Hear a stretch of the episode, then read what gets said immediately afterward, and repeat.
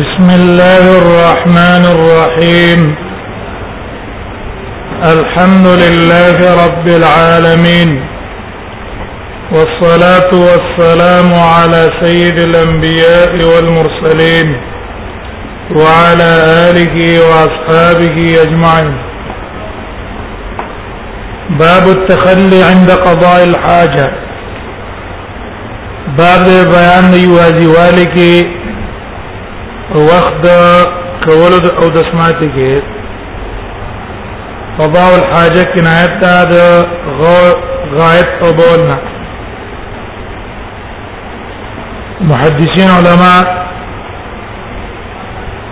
الفاظ کې نه استعمالې ځکه په حدیثو کې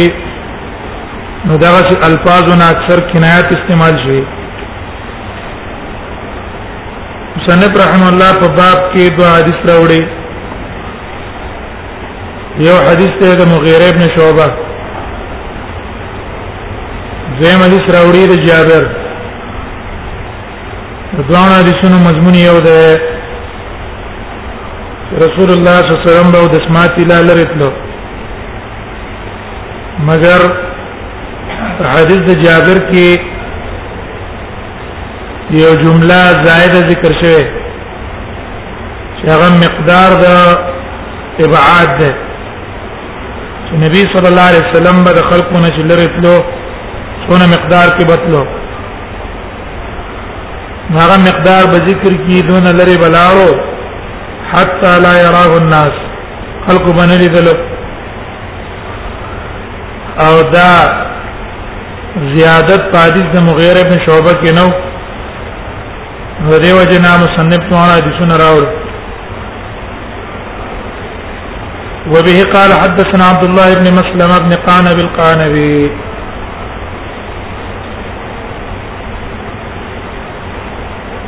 قال حدثنا عبد العزيز يعني ابن مح... يعني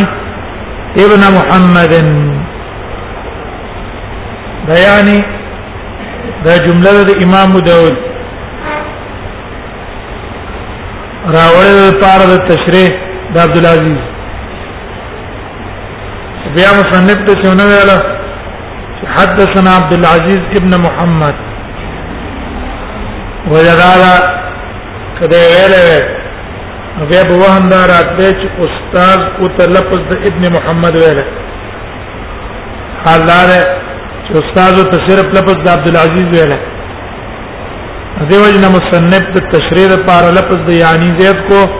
چې د عبد العزيز نه څوک مراد ده ابن محمد ته مراد ده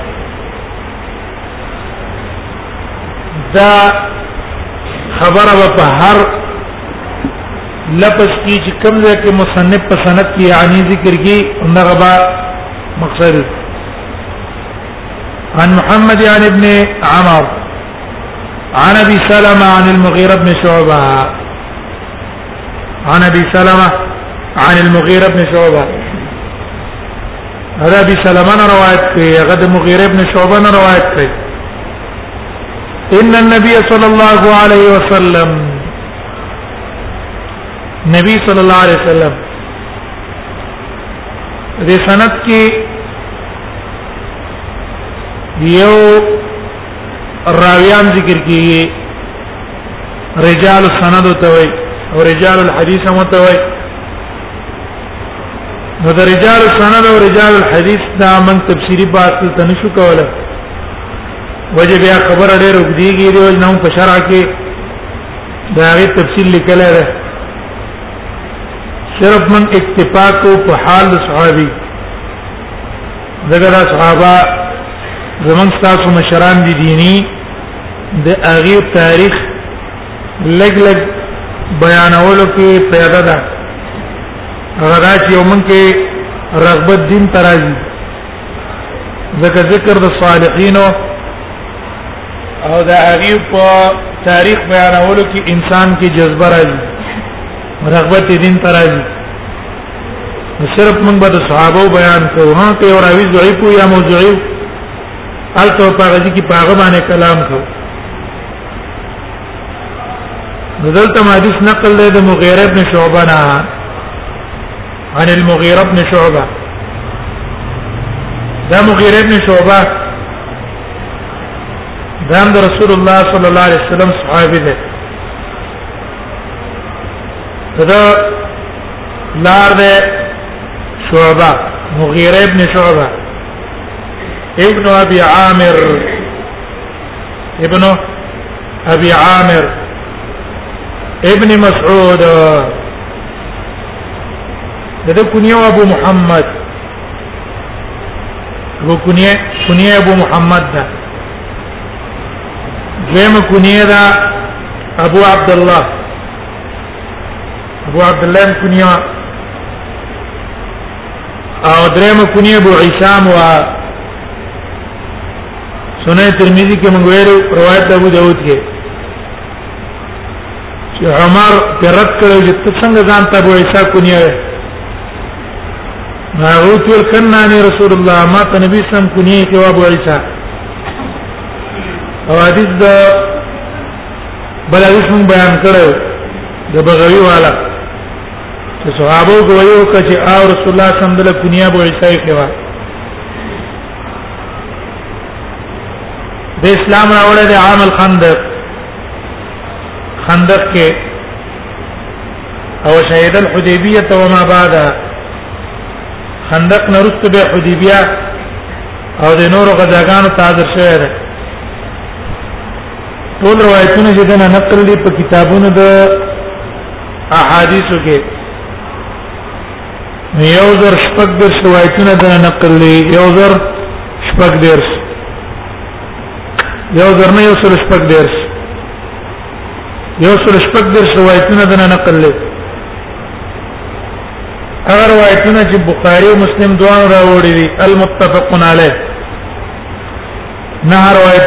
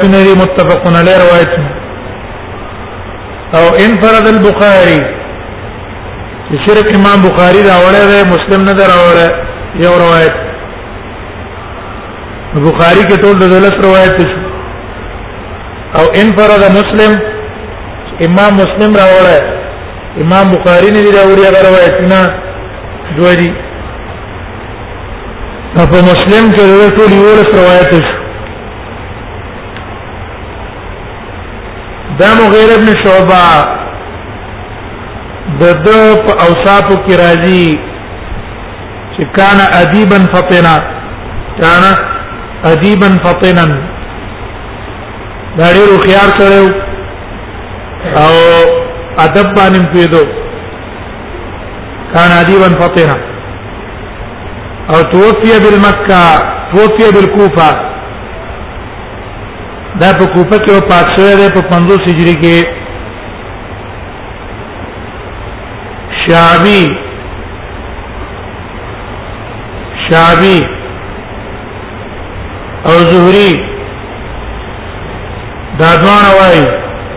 د مغیره په باره کې کان من دهات العرب وېدا د اج کسانو نه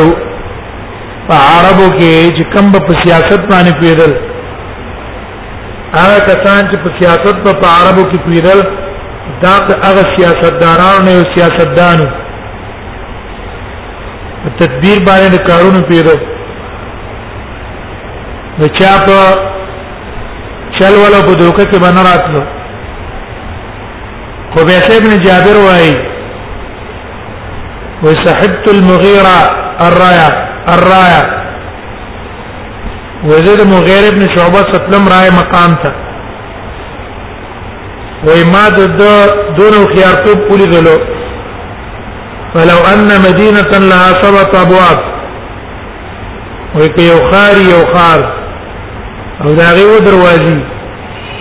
او لا يخرج من باب منها الا بالمكر او د یو دروازې نم سره په غیر د تدبیر او چل نه نشي وته الا به دروازې نه وځي چې تدبیر او چل استعمال کې ولا خرج من ابوابها كلها دا به د ټول دروازو نه وتله د خرج من ابوابها كلها ټول دروازو نه بدا وتله دوجنا ابن عبد البر سے بموائی شیرون کې دا راځي لکه ابن عبد البر وائی والله عمر البصرا و عمر دې د بصره والی کړو بیا د بصره والا را اولګېدل نو په خلاف ګوي ورکړه د عمر په خوا کې نو عمر را ولګو دې معزول کو او بیا دا غي نرستو د کوپی والی مقرر کو ها اعلام الموقعين سير علام النبلاء اعلام الموقعين سير علام النبلاء د او نور مورخین دا واقع بیان کړي چې کله د بصره نه معزول شو بصره کې یو کسو هغه د بصره والا راجم کړ او ته ویل چې زه تدبیر اختیارو ما د دې لپاره چرته عمر دې ته دا موږ باندې والی مقرر نه کی زه به یو تدبیر استعمال کوم دا غي د وجنه مبزده موږ نه بیخي دي نه لري دا موږ د په خلاف غلط شکایتونه وکړو د دروغ اجنه چې عمر تحقیق کی او دوباره را باندې والی نه کی نه یو تدبیر به استعمال کو تدبیر تدبیر وینا ده مال تاسو پیسې را جمع کړئ هغه را ولګي د چاندې ولا جمع کړو تقریبا 50 زره ګرامه بوله جوړ کړ دا سره راغه عمر بن خطاب ته عمر بن خطاب ته ویل یا امیر المؤمنین تا مغیر ابن شعبہ د بصری نه معزول کړه ده و دې مغیر ابن شعبہ ما سره د بیت المال پیسې په امانت کې خېده او دا 50 زره درهم دې ما سره یې تعالی میرا وړي د بیت المال نه پټ کړی دی او ما سره یې خوستله معنا دا ده چې د بیت المال نغلا کړه عمر په غوسه شو چې خاص ما والی هغه د بیت المال نه مال پټای ورشه مغیره را وواړه مغیره په شوبه را وخته سلام ناشته مغیره په شوبه راوست وته یې مغیره تا د بیت المال نغلا کړو د سدي خدا وای څونه دی امیر المؤمنین وای دا 50 زره درهم دی وای امیر المؤمنین د کم راوړې ما د سره یو لاک درهم روپۍ کړی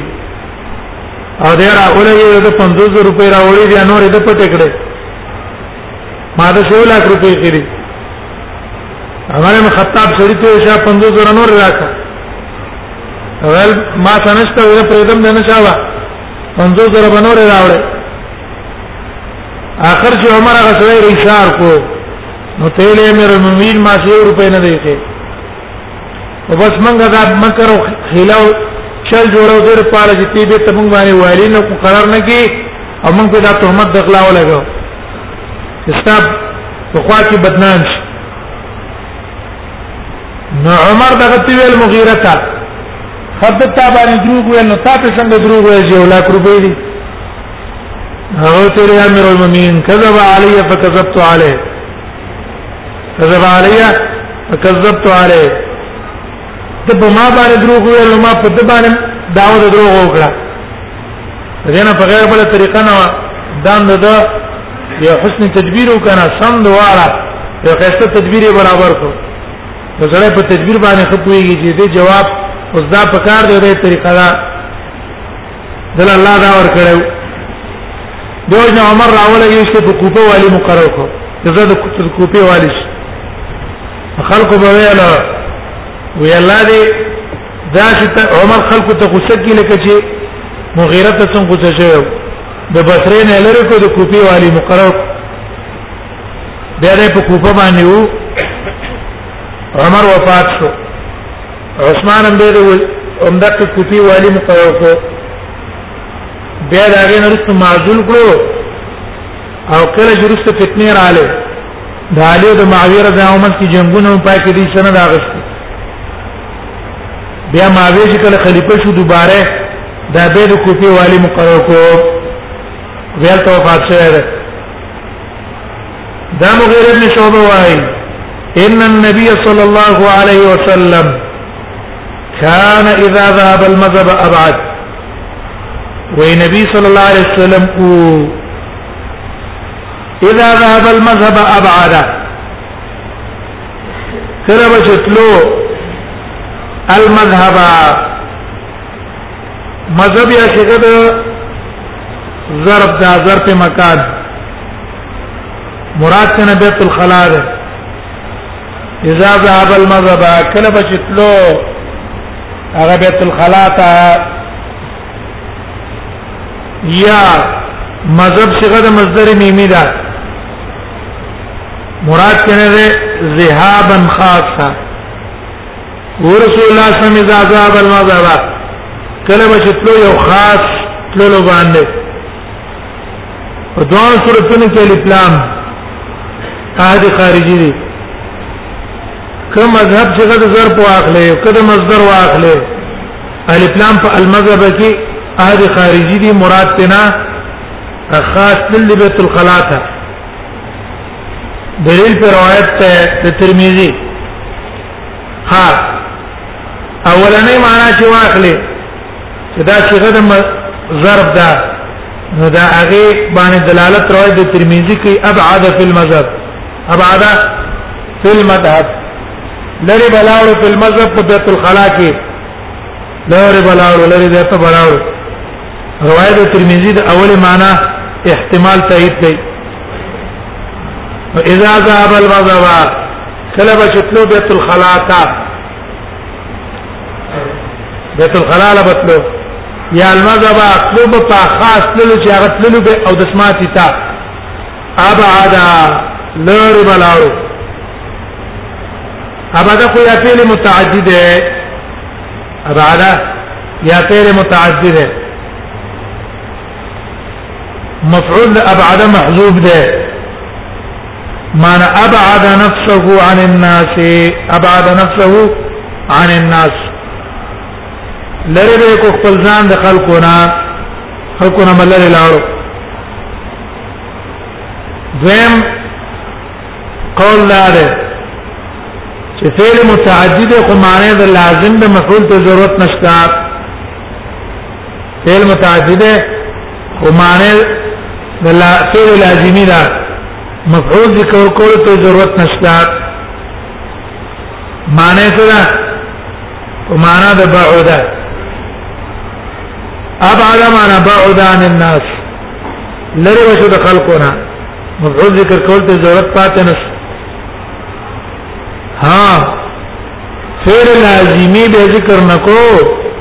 بعده ونه ویلو ابعده ویلو ولی قیده دا دا چې عرب فعل متعدی استعمالی په ځای د فعل لازمی لپاره د مبالغه مقصد په کې ځای مبالغه زید یعطی معنا څه ده زید یعطی دې کې مبالغه ده زید بس ور کول کوي یعطی هر شی ور کوي دغه معنا د مبالغه شو کنه دلته معنا دا ده ابعاد ډیر مبالغه به کوله په لرت لرو کې ابعاد لري بلاړو د بده کې حکمت ابعاد سره حکمت د ابعاد دا لري ولتلو نو هغه فقه الحديث نه معلومیږي حکمت ما استفاد من الحديث هغه حکمت هم د ابعاد رسول الله صلی الله علیه وسلم حدیث نه معلوم شو طلب البعد عن الناس عند قضاء الحاجه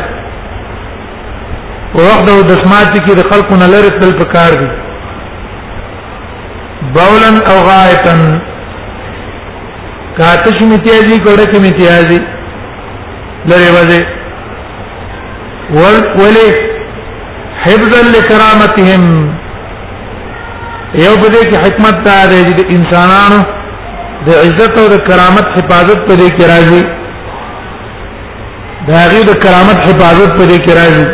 یو پیدا په کې دا ده زم بعدا للاذى عنهم ضروري شي نه دي لري کول نه کته نږدې او د سماعت کې دا هغه د وجه نه به انسانان ته ضروري لري لار شي چې هغه ته ضرر نه رسي درېمه پیدا په دې لرتلو کې دا راحت لقاض الحاجه یو سره او داس ماتي نو په کلا او زړه باندې به داس مات کی په کلا او زړه ولې سره نزدیک خلکو سره نزدې ناشتي او داس ماتي مکلا پورا خلاص او داس نشي ماته ولا وجدنا جدا ایریږي دینه سینا چې چرته هوا نه لاړ نشي او دا غي د وجنه زه اون شرمېږم ملری جلاله دا خبرې باندې بل حدیث نه معلوم شو مکارم اخلاق النبي صلی الله علیه وسلم نبی صلی الله علیه وسلم الله خیسته اخلاق ورګړو څوره خوش اخلاق انسانو او حفظه لکرامت الناس او نبی صلی الله علیه وسلم د انسانانو د کرامت لحاظ به ساتل زه د شکار او نکما چې پاک انسانانو ته پکې ضرر او تکلیفي دا غیر کرامت ته حفاظت ته وجه رسول الله صلی الله علیه وسلم لرتللو حفظا لکرامت ہے او بل ته معلوم شو انه بعث مبینا نبی صلی الله علیه وسلم الله را لګل دی وضاحت کوم کې لعظائم الامور وغيرها غرر کارونه بیانای انور شینم بیانای دا ټول بیان مونږ ته کوي د دې لپاره الله را لګل دا ول دي شو د مناسبت ته حدیث ترجمه الباب څه څه ده ترجمه الباب باب ته التخلي عند قضاء الحاجه حدیث کې رسول الله صلی الله علیه وسلم نے نقل کړ چې اذا ذهب المذهب ابعد ګورا اگر که حدیث کې لفظ التخلی صراحتا نشتا لیکن مصنف رحم الله د لفظ د ابعادنا دا استنباط وکړو چې رسول الله صلی الله علیه وسلم د الله رسولو نو په دې لره کلو کې مقصد څو تخلی وا یوازې والو خپل تشابه سبب التخلم د قضاء العاجه او د سمارټ ټیم کې لري تل دا سنت طریقه ده د راځین کې کې نه وای کله حدیث د ترجمه الباب سره مطابقي لفظا معنا هم لفظ او معنا دواړه دا ترجمه الباب ته بالکل مناسبي کله یو دی غرست باب راځي باب الرجل يتبوأ لبوله لاندې حدیث راوړی دی کنه اذا اراد احدكم من يبول فليرتد لبوله ترجمه الباب څه شلو بالکل مناسبت څه په لفظ او معنا دعاونو کې کلا مناسبت ترجمه الباب سره د حدیث معنی په طریقې د استنباط ظاهر لفظ جدای د حدیث او د باب لفظ جدای لیکن په طریقې د استنباط سره د دوه منځ کې مناسب مناسبت دلتم ابعاده لفظ جدا ده او تخلي جدا ده او چون کې د ابعاد مقصد څو تخلي وا نو مناسبت د حدیث د ترجمه الباب تر پسکه شو په معنا کې شو على طريق الاستنباط اوس کوم مصنف رحم الله ترجمه الباب قائم کړی او د څه ویل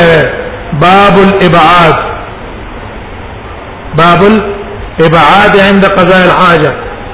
یا باب التباعد عند قضاء الحاجه کدا بابي خیره دغه امام نسائی او ابن ماجه هم دغه ترجمه الباب خیره د دې حدیث د پاره او به د حدیث راوړل دا مطابقت ته بالکل ښکارا وی لفظا او معنا به ترجمه الباب سره د حدیث مناسبت راغله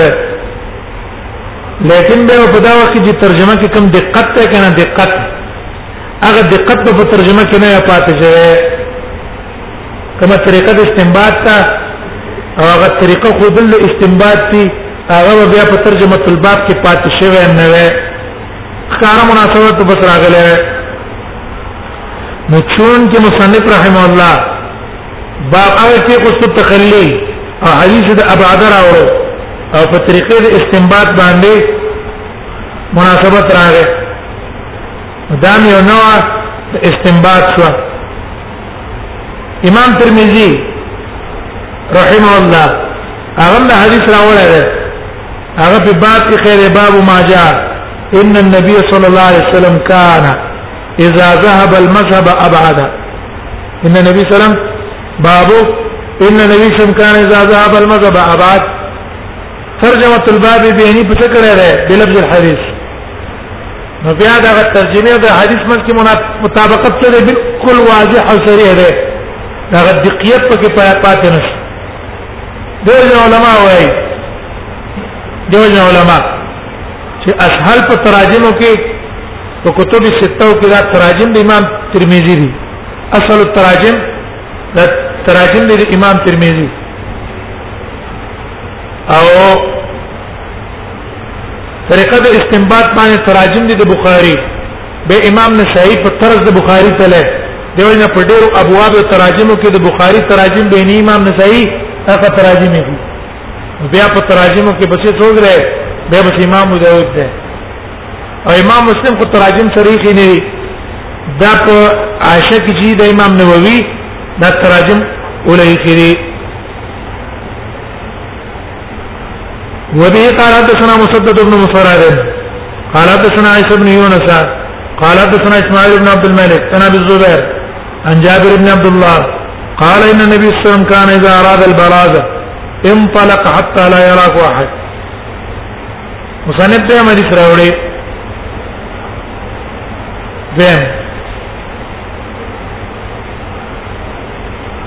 دیم حدیث ته جابر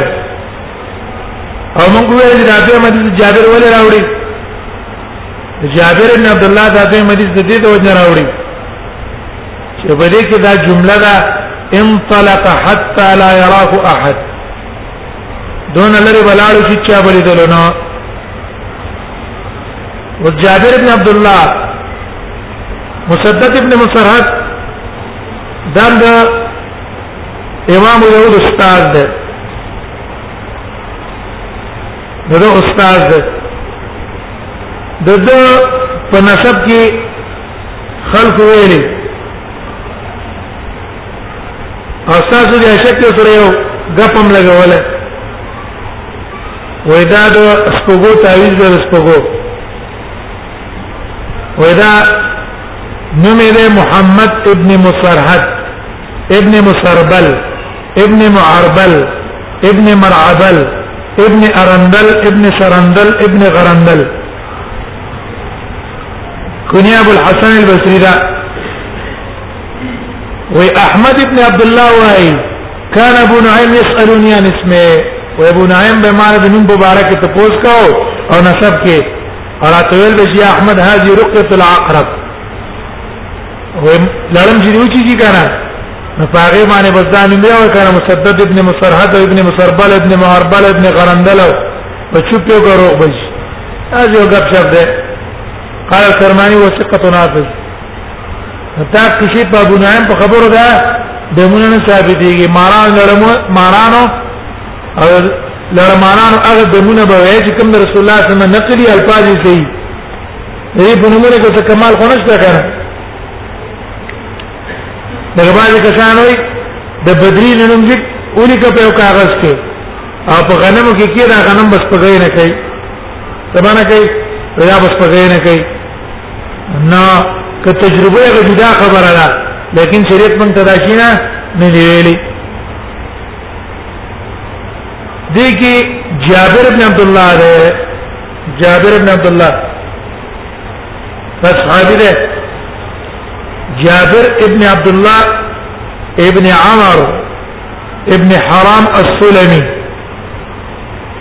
كنيه ابو محمد يا كنيه ابو عبد الرحمن الانصاري الصحابي ټول روایتونه چې دنا نقل وي دا یو زر پنځه سوه څلوېښت روایتونه دنا نقل وي یو زر پنځه سوه څلوېښت روایتونه دنا په کتابونو کې نقل دي 1540 متفقون علیه روایتونه امام بخاری او امام مسلم دوه راوړي متفقون علیه دا ته 50 روایت دي او انفرد البخاری امام بخاری چې ته پر روایت انفراد کړی دی شپږشتي او انفرد علی مسلم امام مسلم صرف هغه روایت راوړي ابو بخاری هغه نه راوړي انفرد مسلم والا دا یو سر شپږش روایتونه دي جابر رضی الله عنه فضیلتونه کې دا دي دیو استغفر لي النبي صلى الله عليه وسلم ليله الجمل 25 مره وی په ليله الجمل کې مال نبی صلی الله علیه وسلم 50 کر دعا د مغفرت کړي الله نے دعا د مغفرت رااله 50 کر ته کړي ليله الجمل دا اوخو چې واپس راتلو دې په لار کې ستړی کړي او ټول خان نه شاته نبی صلی الله علیه وسلم چکه باندې وو به بیرته شو نو دې ته ليله الجمل وي وي په دې کې رسول الله صلی الله علیه وسلم ما ته پنځیش کړ د دعا د استغفار وکړه چې الله ته جابر ته مغفرت وکړي دا جابر بن عبد الله د پلار او حق شهید شو او دې به پات شو ټول روایتونه د وفات شوی په مدینه کې اتاویا کې اتاویا هجری کې ته په مدینه کې وفات شوی دی او په دا وخت کې د عمر څلور نوي کالو څلور نوي دا جابر وايي ان النبي صلى الله عليه وسلم كان اذا اراد البراده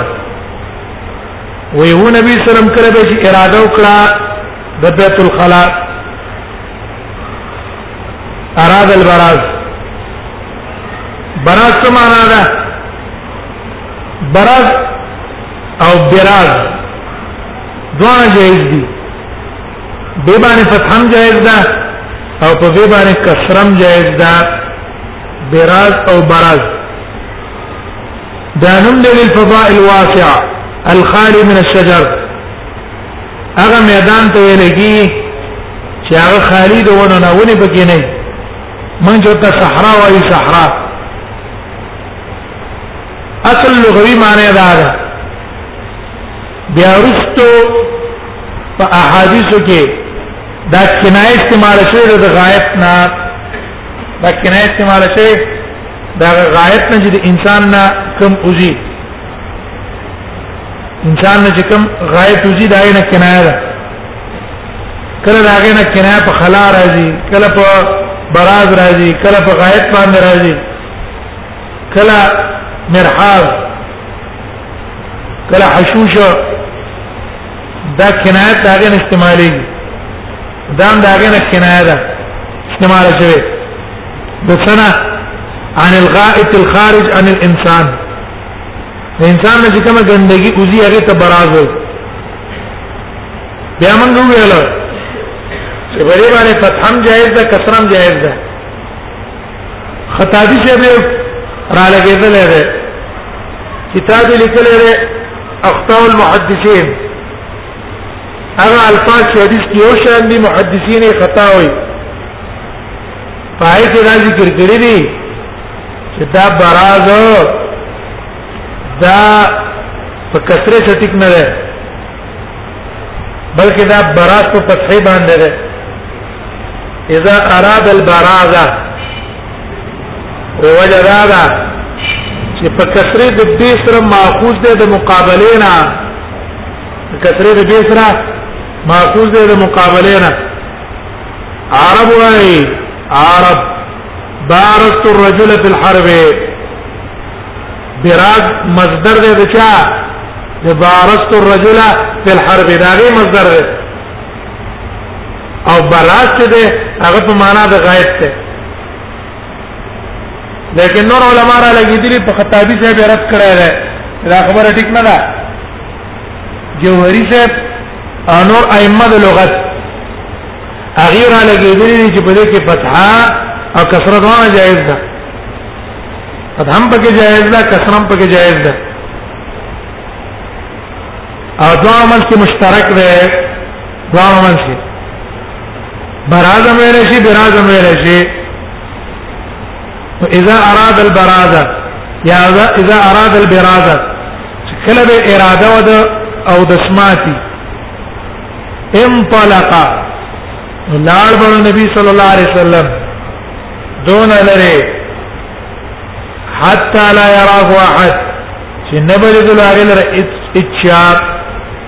چا باندې لیدلو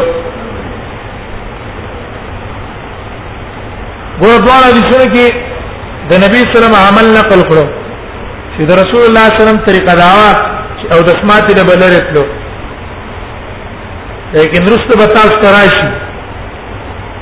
د عائشه رضی الله په حدیث کې ده چې دا حدیث د عبد الله بن عمر کې راځي چې ارتقيت فرأيت رسول الله لقد ارتقيت على ظهر البيت فرأيت رسول الله على لبنتين مستقبل بيت المقدس المقدس دا یو رښتیا معلومیږي چې رسول الله صلی الله علیه وسلم د سماعت چرته کړه وکور کې کو وکور کې رسول الله صلی الله علیه وسلم د سماعت او په دې کې چې رسول الله صلی الله علیه وسلم بدون لاړو انطلق حتى لا يراه احد ودونه لري بلاړو چې رسول الله صلی الله علیه وسلم به اچا نه لیدلو ظاهر کې دوه روایتونه من کې څه ده تعارض ده کنه تعارض ده مدیر علماء جواب کړه یو جواب دا ده چې رسول الله صلی الله علیه وسلم چې بلر تلو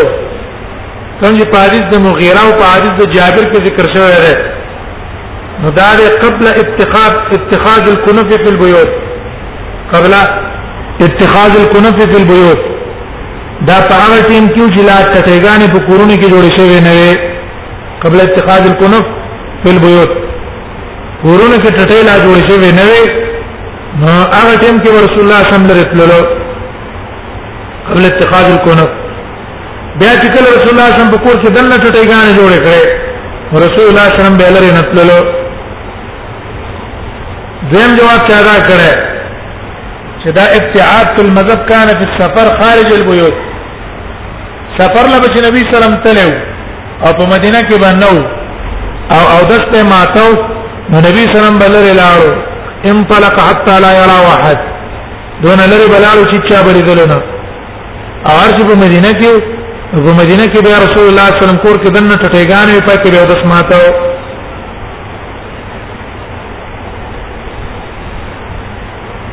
ما استفاد من الحديث دا حدیث څه مسله معلومه شو حدیث څه مسله معلومه شو استحباب التباعد عند قضاء الحاجه عن الناس لرث لل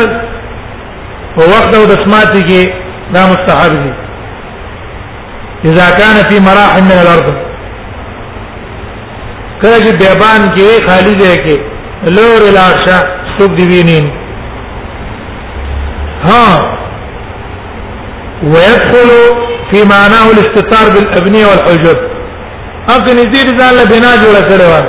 یا نه نږدې دې ټټۍ سازه کړې وه او ټټۍ ته دننه نږدې نه وته لرې لا نه لرې همدا معنا د ابتداع ابتعاد شو ولې ابتعاد کې چې کوم مقصد دی هغه په ټټۍ کې ولا حاصل شو بلکې خپه کې حاصل شو دین دا معلوم شو بل دا رښتیا معلوم شو طلب اخفاء ما لا يليق طلب اخفاء ما لا يليق یو شی مناسب نه عیب جن غندګي هغه په پټه کول پکار دي او څو داس ماته په پټه کې کول پکار دي بلته معلوم چې البعد عما يوزي او يستهجن یو شی چې ته ضرر ورکړي یا سره بدی غني هغه د شکار نه ځان لري ساتل پکار دي چې د شکار اونکه چې خلک یې بد غني یا بد په وي اوس دلته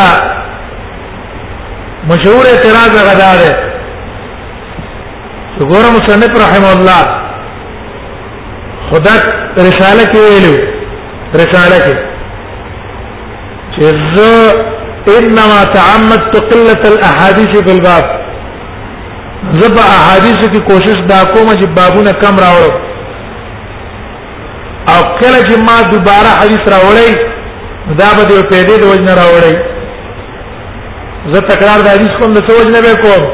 د پیدې د وجنه به کوم دلته مصنف رحم الله یو حدیث ولې نه راوړل چې دوی راوړل داغي جواب هغه دا شو چې حدیث د مغیره په شوبه راوړو او په حدیث د مغیره په شوبه کې دا زیادت نه وو حتا انطلق حتا لا يراه احد درې بلاړو تر دې چې رسول الله صلی الله علیه وسلم له بچانه ویلو اوس په سوال لاره به به د شي کړه صرف حدیث جابر به راوړل زه په حدیث جابر کې بدوان ادا شوی انطلق حتى لا يرى واحد حدیث د مغیره من شعبت ته بسر ضرورت پاتې شوی نه دا یو حدیث به راوړل د دې مغیره من شعبه دي چې ول راوړل دا غیر په علماء جواب کوي وجدادا چې حدیث د جابر کمزور دی حدیث د جابر کمزور دی ولی یو په دې کې اسماعیل ابن عبد الملک دی کثیر الوهم بل ابو زبیر مدلس ته جابر نه اعلان کړي دې روایت سند سند کمزور دی کچرتا مصنف رحم الله دا حدیث په باب کې راوړی نو ابتدا د کتاب ته په ضعیف حدیث باندې کړه نو دیو جنا سره په حدیث جابر رانولو او حدیث د مغیره بن شعبه پاول کراړو چې ابتدا د کتاب په کوم حدیث باندې راشي په صحیح حدیث باندې راشي او دا حدیث د جابر اگر که کمزور ہے خدای د زیادت د پار راوړو شاهد د پار راوړو او استشهاد په ضعیف روایت باندې څه ده دا صحیح ده دا جائز ده نو دې نقطې په بنا باندې امام ابو داود رحمه الله دوا حدیثونه راوړو او په مغیره ابن شعبہ حدیث مخکې راوړو حدیث د جابر په شروط راوړو باب الرجل يتبوأ لبوله باب باندې دې کې الرجل يتبوأ لبوله د سړی را لګي د خپل او د سماعت د پاره ځای جوړي دا مصنف په یوه څه بل ادب ذکر کوي هغه دا یو سړی او د سماعت لذي هغه دا پکار دا چې ته او د سماعت ټیم کې ځان لچو کی ځان لزه برابر کی شخص کې او د سماعت نه کی څک دا ډېر پاره چې څاڅ کې د امتیازو تبه ته ونش څاڅ کې نو دیو نه پوزه کې ته شو د سما تول پکار نو مخکې باب ته مناسبت دا شو مخکې باب عام تخلي شامل وا بول او غایب واره ده او دلته دا صرف په تشو امتیازو کې راکنه یتبوه له بوله تش مثال د پاره وپوزه لټه چې چاچ کی ته ونشي را واپس نشي اوس حدیث راوړي بعد کې اوس حدیث راوړي وبي قال حدثنا موسى بن اسماعيل قال حدثنا حماد قال اخبرنا ابو الطياح قال حدثني شيخ وما ته حدیث بیان کړی یو شیخ د شیخ ته ویل کېږي مجهوله الشيخ سره دا مجهول له قال راوي لما قدم عبد الله بن عباس البصره ويأركل كرار عبد الله بن عباس البصرة بصريتا بصره تراغه بصره ته قدمه څه معنا ده دا وراتلو دته ولایت باندې د معاویه رضی الله عنه او عثمان رضی الله عنه وفات نه بعد چې کله عثمان شهید شو نو خوارج را اولګېدل علی رضی الله په زور باندې خلیفہ کړو چې خلافت واخله نو علی سره چې کله بیعت وکړو نو علی د بیعت سره څنګه بیعت وکړو نو د ټول والیان د عثمان معزول کړ عبدالله ابن عباس هم تراغه او مغیره ابن شعبه هم تراغه وتویل چې دا وخت نه استاد معزول کولو والیان اوس نه معزول کوا ته دې والیانو نه بیعت واخلې چې دا ټول خلق تاسو اتفاقی بیعت کی پس دا غیر بیا را اولګي یو یو معذول وا او اوس کې دا معذول کړه ستاره د خلکو سره واسطه نشته د علاقې د خلکو سره د واسطه ده ټول به تاسو څه کی بلواله کیته وعلي دا خبره د ابن عباس ونه منله نه د مغیره ابن شعبه ومنله کسانه معذول کړه دا معذول کی معاویه معذول حالداري د عمر د زمانه نه والا شل کال معاویه دا د شام گورنر خو په عدل او انصاف ته چلے ده ټول شام والا د معاویه تابع نو علی جناو ته خط ورلې ما زولای معاویه ته دا غزینا خط راولې د تش او ویل کله من معاویه الى علي بن ابي طالب دنه خط کې شنو دیو جن شام والا د معاویه سره کله کودرل او جنگ سپین کې دا مقابله د علي سره علي او علي پاغه شام باندې کامیاب نشو به په منځ کې مړ شو خدا تاجی او خلافت مشر کړی چې دا مشر دا غي وی و خبره اسه ځای نه دي و خبره چې وکړه دا غي خبره کمزوري و هغه غټ نقصان پیدا کی و څوک چې غلطي دا غي خبره مغټي دا غي کار مغټي دیو جن په غټ مسند کې نه است ډېر احتیاط وکړي خبره کې هم احتیاط کې عمل کې هم احتیاط کې دا ټول خلک ستا خبره تم ګوري ستا عمل تم ګوري دې دا به نه ورده دې تحقیق ورده یې زما څه چالو شو او یا وړان کارو کې به تحقیق دا غیر غلط فنات پیدا کی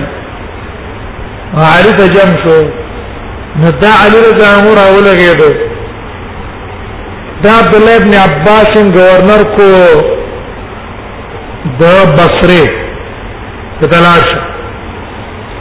او په دې بصره باندې د دنه مکه ابو موسی اشعری ویلو گورنر عبد الله ابن عباس ربا بصره والا راتنه کې ناستبه احادیث مذاکره وکوله نو دې چون کې د ابو موسی اشعری څخه پاتې شو دا ابو موسی اشعری نه احادیث ذکرې نه په دې مجلس کې دي کسانو دا موسی اشعری احادیث ویل عبد الله ابن عباس ته نو معلوم عبد الله ابن عباس را اولګېدو هغه ته جواب ورولېګلو ابو موسی اشعری ته چې دا دا پلان کې د سنت ستاسو بیانېږي چې تا رسول الله اورېدلې آیا د حدیثونو څنګه لري خط په ذریعہ او تا ولیکل نو ابو موسی شعری را اولګه دو احادیث په څکړه او تویل کل په خط کې تراولېګل دې مطلب دا ده لما قدم عبد الله ابن عباس البصره وکړه چې راغی عبد الله ابن عباس بصره ته بصره ته راغی والی د طرفه د چاره د علي رضی الله طرفنا عبد الله ابن عباس څوک دی عبد الله ابن عباس تاسو پیژنې د رسول الله صلی الله علیه وسلم ترزوی وې ترزوی او د عباس زوی وې د خپل احادیث دنه چې نقل دي په کتابونو کې نو دا په هغه صحابه کې ده چې کوم صحابه نه ډېر احادیث په کتابونو د احادیثو کې نقل لري دا په هغه صحابه کې ده دوزرا شپږ سو شپېته روایتونه دغه نه نقل دي دوزرا شپږ سو شپېته روایتونه دا دغه نه نقل دي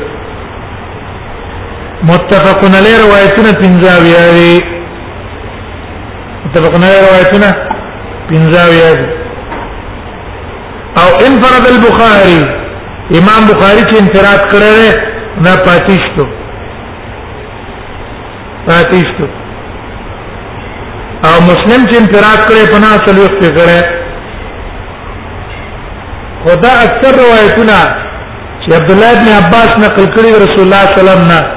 وردا په واسطه د صحابه دي خپل د نبی صلی الله علیه وسلم پنځه روایتونه اورېدلې پنځه روایتونه دا ته اورېدلې کله چې رسول الله صلی الله علیه وسلم وفات شو دا د دیار نه فقالو دیار نه فقالو لیکن رسول الله صلی الله علیه وسلم وفات نه بعد د علم طلب وکړو علم طلب الله ته غټ عالم جوړ کو یو ځوان ځوان ځوان او عمر بن خطاب په ځان سره کینو مشورې وکړي اغسته ولې د نبی سم په عمر کې دیار لا سکالو د ابوبکر خلافت نیم کال او یادینه زیات تښوا نبي عبد الله بن عباس په دغه کې سوی پنځله شپاره څه کال دي ابي عمر بن خطاب ځان څه کینو بيخي ځانې کیو کنه او مشورې به ته طلب کوله او ویل به غواص غواص ته دا د چې کس ته لکه دریاب کې په ملغلورو پسې چې کوپې وای دیم بشه ده سات د پاره کې وای سات ما رايت احضر فهما ولا الب لبا ولا اكثر علما ما رايت احضر فهما ما نه لري او تن چې په پام په اعتبار ډېر حاضرې ولا الب لبا او نه یو کس چې په اعتبار د عقل ډېر عقل مند دی ولا اکثر علما او نه د شکس چې په علم په اعتبار ډیری ولا اوسا حلما او نه د شکس چې په اعتبار د حلم پراخي مثل ابن عباس ابن عباس پشان کس ته دا ټول کمالات مصروف په بارے کې وایي كنت اذا رايت ابن عباس فجئ ابن عباس من ولدلو نو قلت ما بول اجمل الناس ته په ټول خلکو ویډولې ده ته پرن خسته انسان نشې او اذا نطق خبره به چې کوله ما به چې افصح الناس په ټول خلکو کې دې فصیح ده زه پرن فصیح انسان نشته او کله به چې حدیث بیانو حدیث به بیانو نو قلت اعلم الناس دا په ټول خلکو کې پوهه انسان ده ابراهيم بن عباس ما په خپل جبريل دوه ځلې غلې دوزل د نبی سم د هجرت نه درې کاله مخکې پیدا شوی په مکه کې او په طائف کې وفات شوی د پاتش په تجری کې یو او او یا کال عمر یو او د دزوی